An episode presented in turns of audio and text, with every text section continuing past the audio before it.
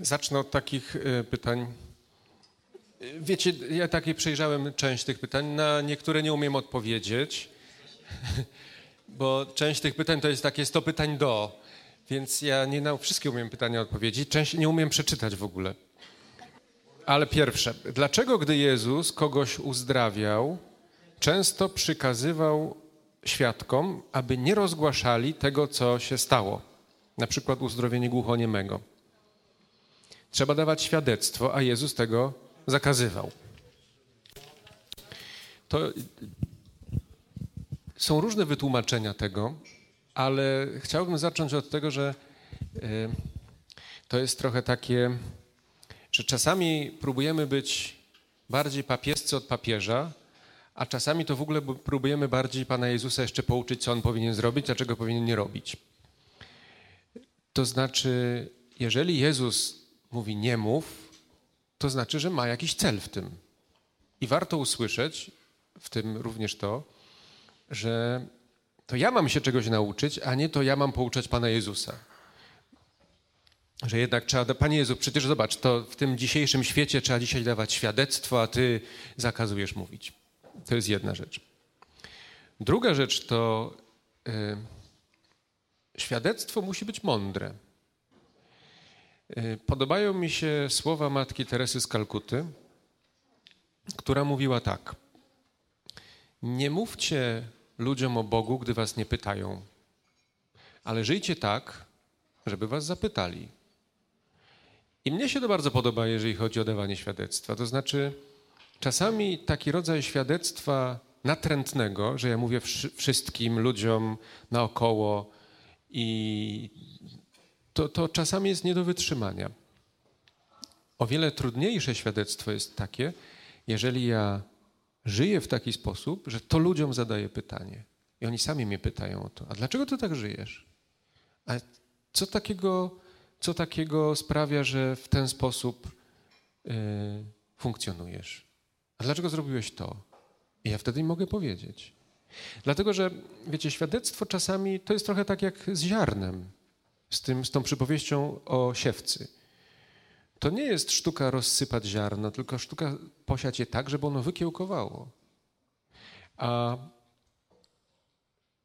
i ostatnia rzecz w tym, musimy odróżnić świadectwo od wcisku. Bo świadectwo jest łagodne. Ja nie, nie mówię, musisz uwierzyć. A wcisk to jest coś takiego, że ja ludziom tak będę gadał, tak będę ich podchodził, żeby on, że oni muszą uwierzyć to wtedy najczęściej ma odwrotny skutek. Tu jest takie długie pytanie, ale nie umiem go przeczytać naprawdę. I jest jeszcze jedno na tej kartce. Skąd wiadomo, że to już jest przebaczone, że coś już jest przebaczone?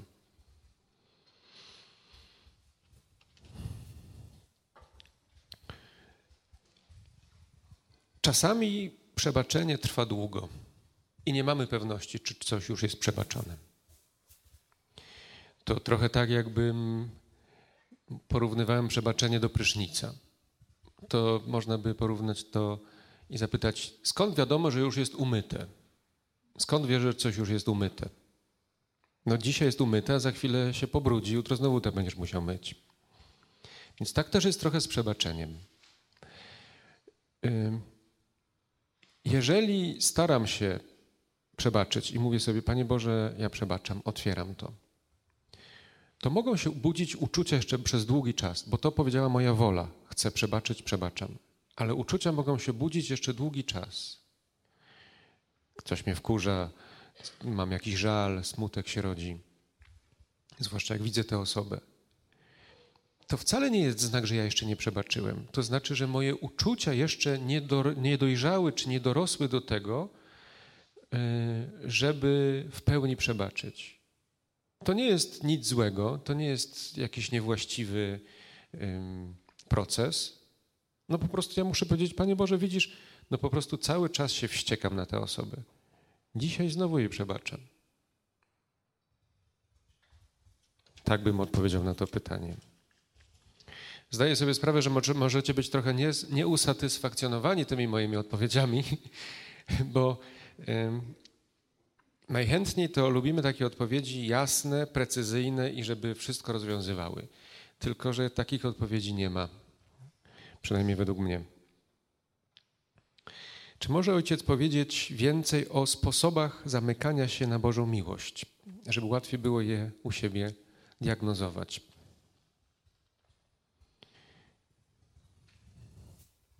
No, na przykład taki.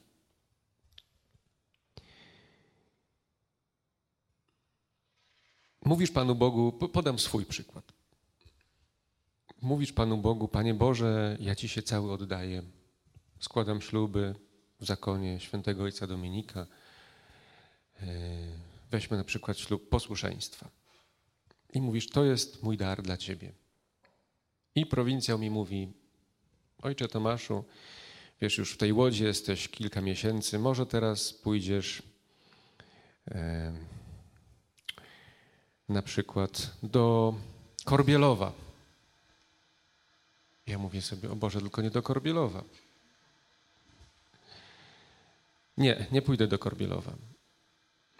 To jest sposób, w jaki ja się zamykam na, na, na, Bożą miłość. Dlaczego? Dlatego, że wyobraźcie sobie teraz codzienną swoją sytuację. Mówisz Panu Bogu dzisiaj rano, Panie Boże, powierzam się Tobie, cały dzień Tobie powierzam. Idziesz i wydarzyło się coś, co Ci się nie spodobało w życiu, w tego dnia. To wcale nie musi być, że sobie złamałeś nogę czy coś takiego. Nie, no po prostu coś Ci się nie spodobało. I mówisz, no jak to się mogło zdarzyć, że, że, że takie coś mi się dzieje? A Pan mówi, no przecież powierzyłeś mi cały dzień dzisiaj. To dlaczego nie jesteś w stanie przyjąć to, co Ci daje? No w ten sposób jedną, jed, jedną ręką mówimy, Panie Boże, ja Ci się powierzam, a drugą mówi, jestem niezadowolony z tego, że Ty działasz tak, jak ja mi się nie podoba. Czyli to, to jest zamknięcie na, na Bożą miłość, to jest to, że ja nie przyjmuję tego, co mi Bóg daje. Mówię, ty, daj mi coś innego. Wybrzydzam. Mówię, to mi się nie podoba. To jest sposób, w jaki ja się zamykam. Na, albo mówię Panu, Bo, Panu Bogu, Panie Boże, uzdrów mnie. Panie Boże, to ja bym chciał, tak bardzo Ci powierzam, tą takie, takie, no coś jest takiego w moim, taka zadra w moim sercu, powiedzmy, no niech to będzie e, związane z jakimś wydarzeniem z dzieciństwa. Mówię, to, to chciałbym, żebyś to uzdrowił. No i e, albo nie, inny wam przykład podam, bo to właśnie mi się przypomniało, że przeczytałem, to jest prawdziwy. Taka kobieta, która posługiwała darem uzdrowienia, mówiła: Panie Boże, pokaż mi, co Ty chcesz we mnie uzdrowić. I przez kolejne dwa dni kilku, kilkanaście razy ktoś ją zapytał: Słuchaj, a ty, dlaczego to się tak stało, że ty nie wyszłaś za mąż? On mówi, i odpowiadała w taki sposób: No bo ja się poświęciłem karierze naukowej, no bo ja, no tak wyszło, no bo ja i miała swoje wytłumaczenia, ale tak naprawdę to musiało to pytanie paść kilkanaście razy, żeby ona poczuła, że tak naprawdę to nie jest taka sprawa, w którą, z którą ona się pogodziła, tylko tak naprawdę to ją boli, że ona nie wyszła za mąż. I, no i można by było powiedzieć, no tak, no jeżeli mówisz, Panie Boże, uzdrów coś we mnie, to On Ci to pokaże. Czyli to Cię zaboli. My nie lubimy bólu, więc mówimy tak, no to miałeś uzdrowić, a tam jeszcze bardziej boli. No tak, tylko że żeby to zostało uzdrowione, to musicie najpierw bardziej zaboleć. Jeżeli nie przyjmiesz tego bólu, no to tak się zamykasz na Boże uzdrowienie i na Bożą miłość. Takie mi się kojarzą sposoby nasze yy, zamykania się na wolę Bożą. Herbatę się trochę dopiję teraz. Dobrze. Lećmy dalej.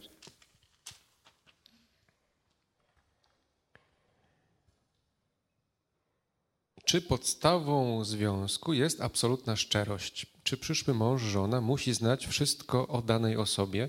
Czy można zataić przeszłość? To zależy. Zależy co? Bo są takie rzeczy, które to nawet prawo kanoniczne reguluje, że jak zataje się jakąś rzecz, to potem to skutkuje nieważnością sakramentu małżeństwa. Czyli na przykład, jeżeli ktoś zatai chorobę psychiczną i ta druga strona o tym nie wie, to potem może się ubiegać o stwierdzenie nieważności małżeństwa. Więc pytanie jest, co się zataja? Pewnie y, drugie pytanie to jest, dlaczego chcę zataić? Jeżeli coś ukrywam przed kimś, no to zazwyczaj pod tym kryje się taka obawa i lęk, że jak ja to powiem, to on mnie nie przyjmie. Czy jak ja to powiem, to ona mnie nie przyjmie. Czyli jeżeli ja mam taką wątpliwość od samego początku, to w związku małżeńskim podejrzewam, czy wysnuwam taką hipotezę, ona nie musi być prawdziwa, ale jest duże prawdopodobieństwo, że tak będzie, że ja różne rzeczy również będę musiał ukrywać, bo się boję, bo, bo pod tym kryje się jakaś taka obawa, że jak pokażę coś prawdziwego, to ta druga strona mnie z tym nie przyjmie. Więc to jest zasadnicze pytanie, dlaczego tak uważasz, że ta druga cię strona nie przyjmie? No, znowu mogę następną hipotezę wyciągać. Skoro obawiam się, że inni mnie z tym nie przyjmą, to duże prawdopodobieństwo, że ja tego nie akceptuję, że ja tego nie przyjmuję, że ja siebie nie przyjmuję z, ty, z, y, z tym, co chcę zataić. No ale przecież nasza historia jest taka, jaka jest. Y, nie da się jej zmienić. Można zmienić stosunek do niej, ale ja nie, nie mogę jej wymazać.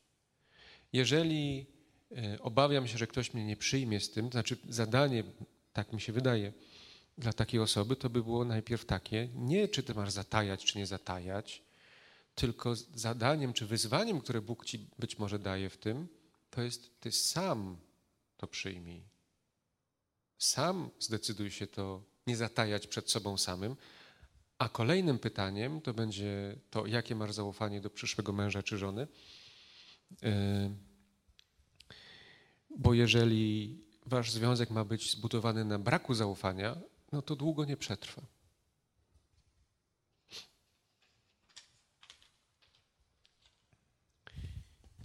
Czy gniew wobec polityków, którzy jawnie działają na niekorzyść państwa i narodu, jest uzasadniony?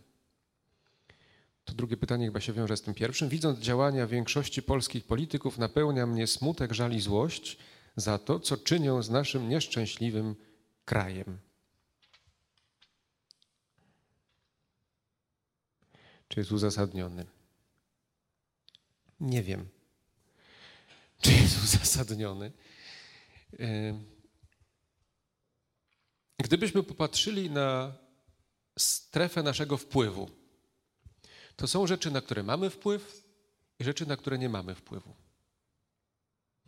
Ja nie mam wpływu na to, co się dzieje na Marsie, nie mam wpływu na to, co robi ten polityk czy inny, nie mam wpływu na to nawet, co robi biskup, nie mam wpływu na to, e, co dzisiaj puszczają w telewizji, nie mam wpływu na to, dokąd pójdziecie dzisiaj.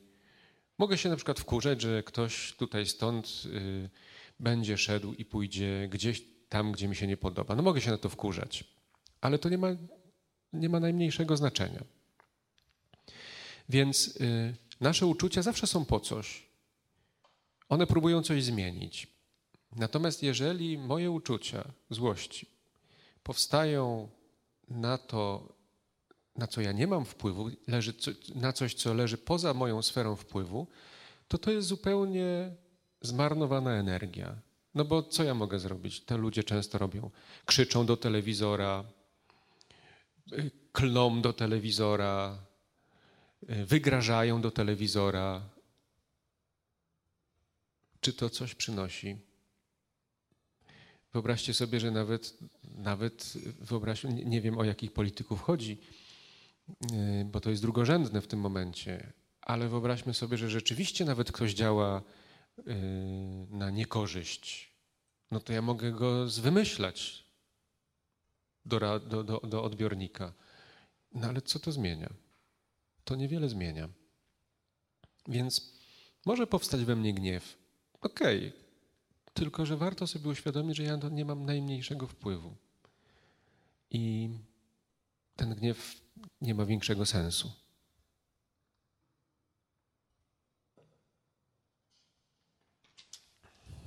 Kolejne pytanie. Jak samej sobie wybaczyć? Jakie kroki podjąć?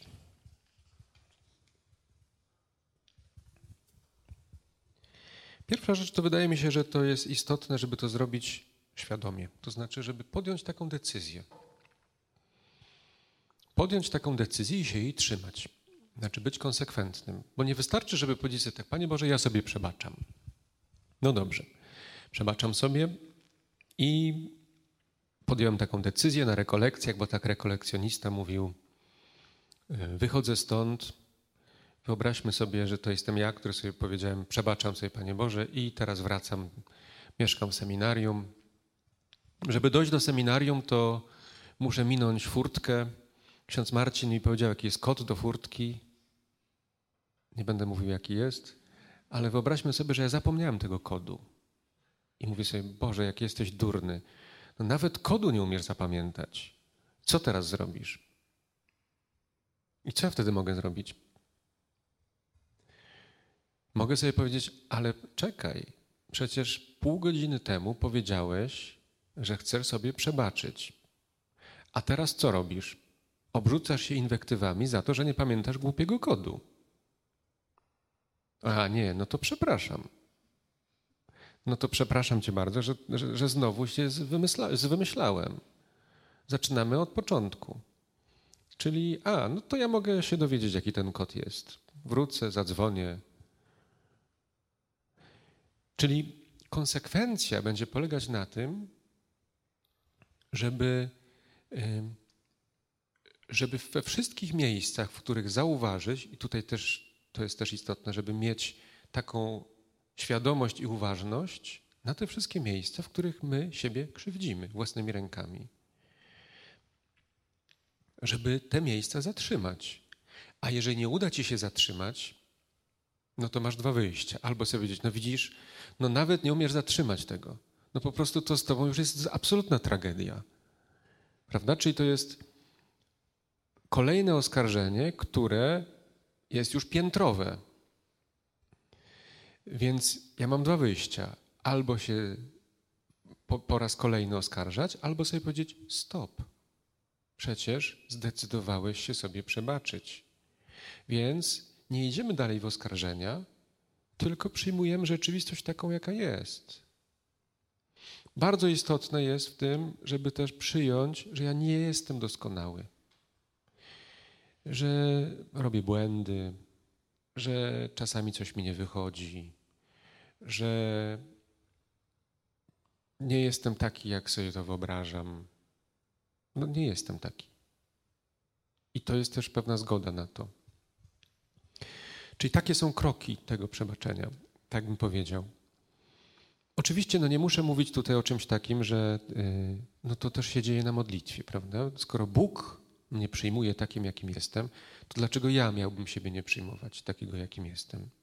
I tutaj nie chodzi o to, że my taki, będziemy tacy pobłażliwi dla wszystkich swoich wad, grzechów i tak dalej.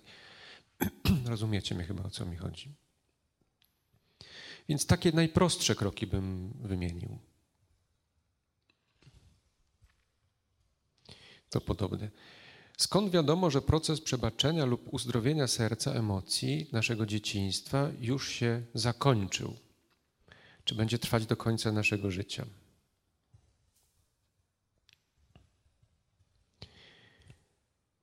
No do końca życia, no, nigdy się nie pozbędziemy naszego dzieciństwa. Jeżeli myślimy sobie tak, no przyjdzie taki moment w końcu, że ja już tak się z tym dzieciństwem rozstanę.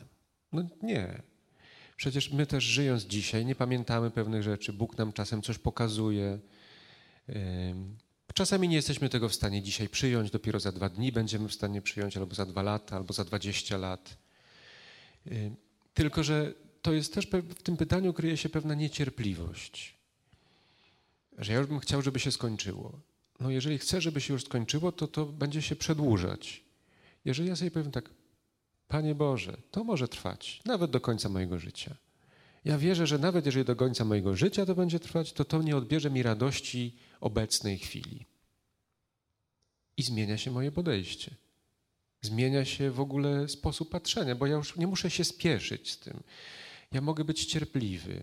Ja wiem, że pewne rzeczy dzisiaj mogę zrozumieć, on, niektóre się zakończą, a inne będą trwały. Ja nie muszę się tak martwić, kiedy to się zakończy. No zakończy się wtedy, jak się zakończy. Może do grobowej deski będzie trwało, ale to mnie nie będzie tak obciążać. Czyli to by pokazywało, tak naprawdę ten stosunek nasz by pokazywał, że ja się z tym pogodziłem. I mówię tak, dobrze, niech to trwa, niech to idzie. Niech ten proces, ja jestem cierpliwy. Bóg jest cierpliwy. Kto jest niecierpliwy? Szatan jest niecierpliwy. Szatan mówi, musisz już, teraz, natychmiast. Nie ma czasu. A Bóg mówi, mamy czas. Gdzie się spieszysz? Masz 20 lat. Jeszcze ci 80 zostało. Zdążymy.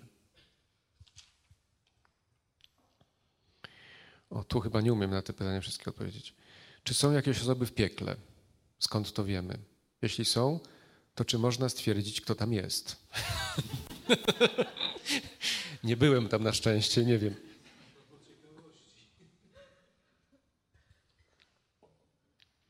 Teologia katolicka mówi, że piekło istnieje.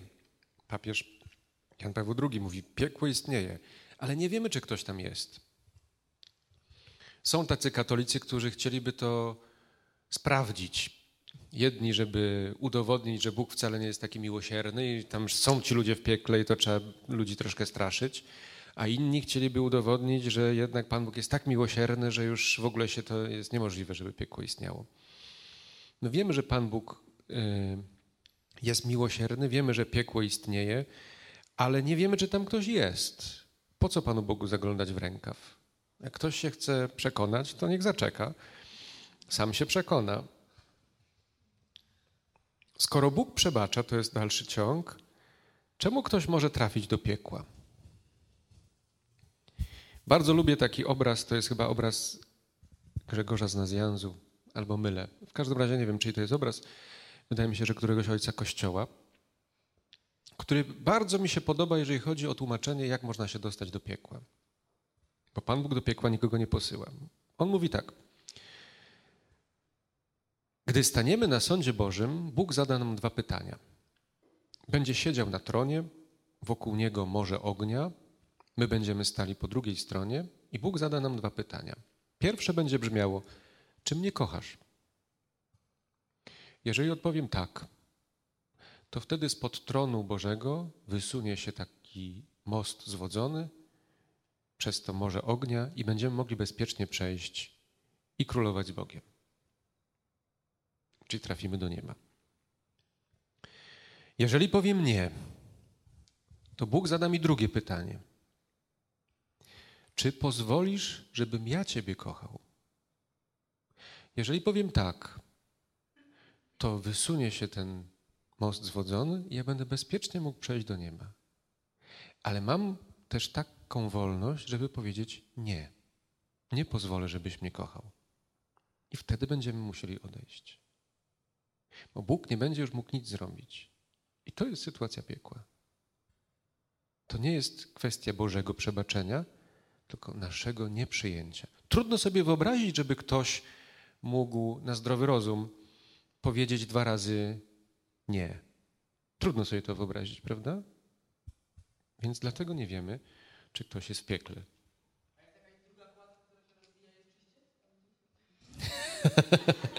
nie wiem, czy już wtedy była taka nauka o czyśćcu. Jak powie nie wiem.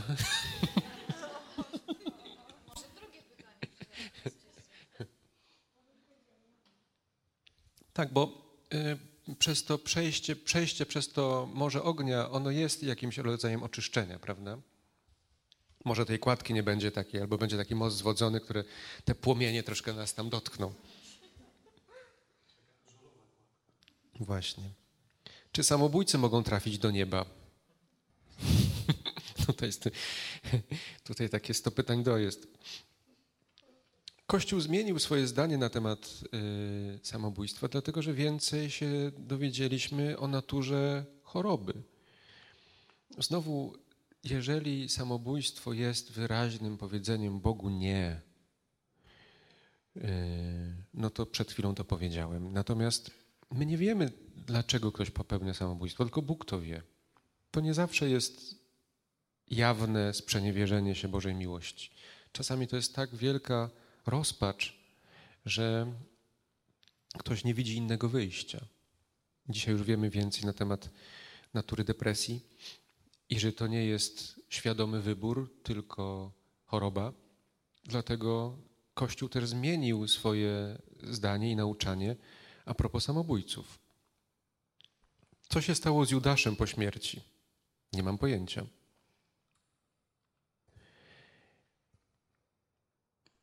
Nie mam pojęcia, ale znowu tutaj są dwa skrajne, dwie skrajne e, opinie. Jedni mówią, no na pewno był potępiony, ale byli tacy ojcowie Kościoła, którzy mieli odwagę modlić się za Judasza. Co więcej, nawet za szatana się modlili. Więc jak daleko sięga Boże miłosierdzie, to ja tego nie wiem. Chciałbym wierzyć, że jak najdalej. Jak pomóc osobie, która choruje na depresję? Nie chce wstać z łóżka, nic nie robi.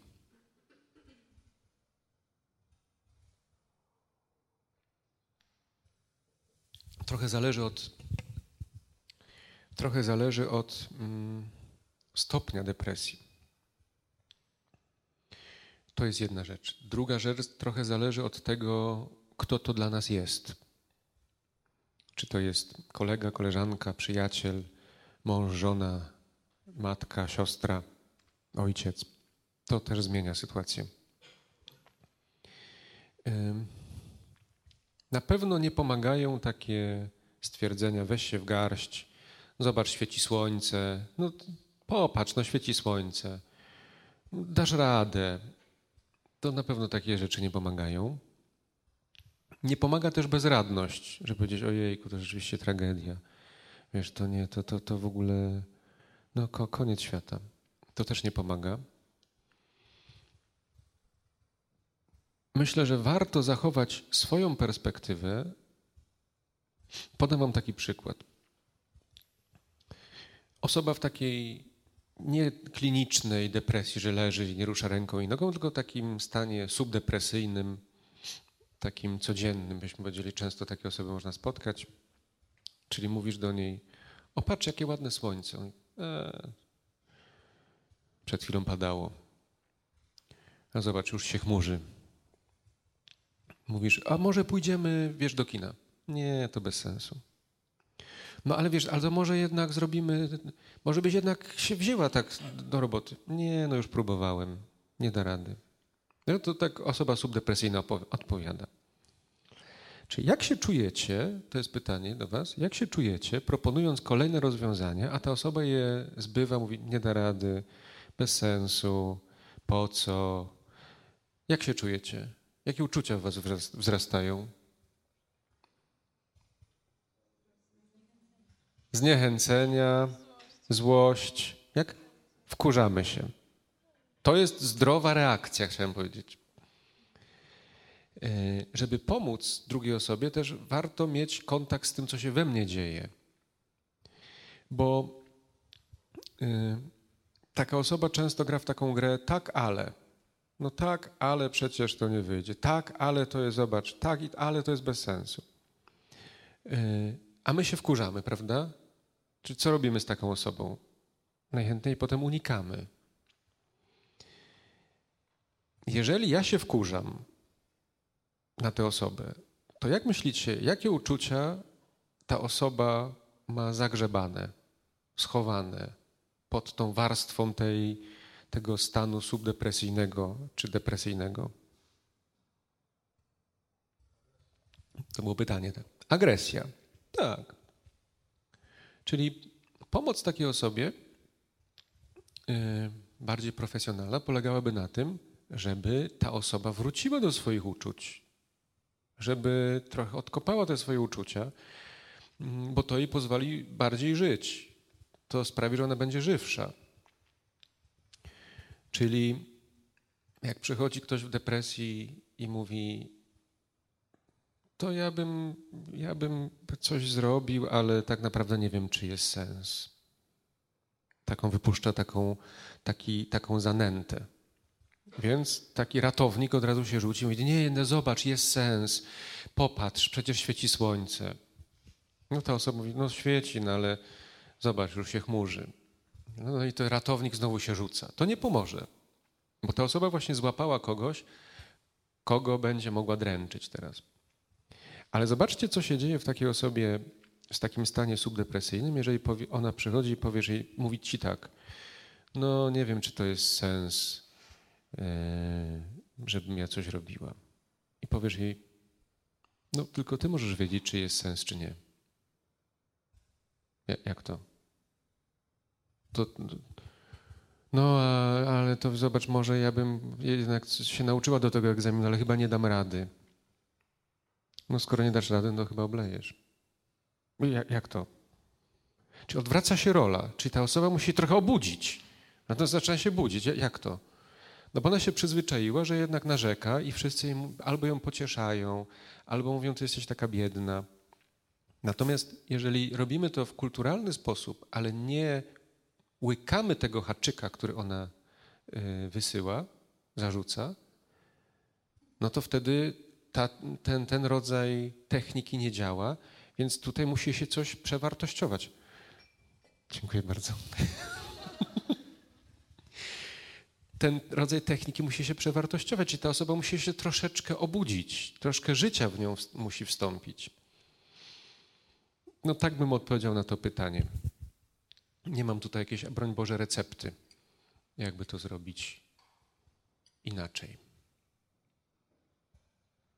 Oczywiście można takiej osobie zaproponować jakiś rodzaj pomocy, której my jej nie udzielimy. Może warto pójść do lekarza, może się warto spotkać z psychologiem.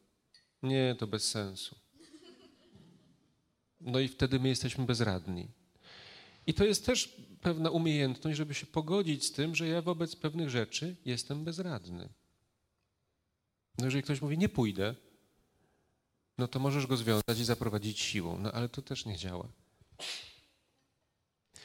Czyli to też jest dosyć yy, tak, taka umiejętność pogodzenia się z tym, że ja no po prostu nie jestem w stanie nic więcej zrobić dla ciebie. Tyle mogę zrobić, tyle ci mogę pomóc. Jakbyś jednak się zastanowiła, to wiesz, gdzie jest mój numer. Wiesz, jak mnie znaleźć. Tyle pytań. Szybko się uwinęliśmy, no nie? Która jest godzina? O, to jest dobry czas na zakończenie, no nie?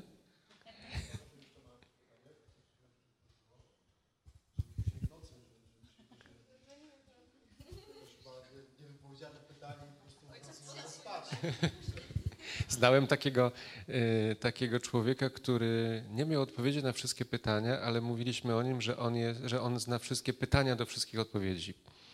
Bo jak, cię, bo jak cię spotykał, to zawsze pytania jakieś zadawał. No ale już tyle tych pytań było, że chyba starczy.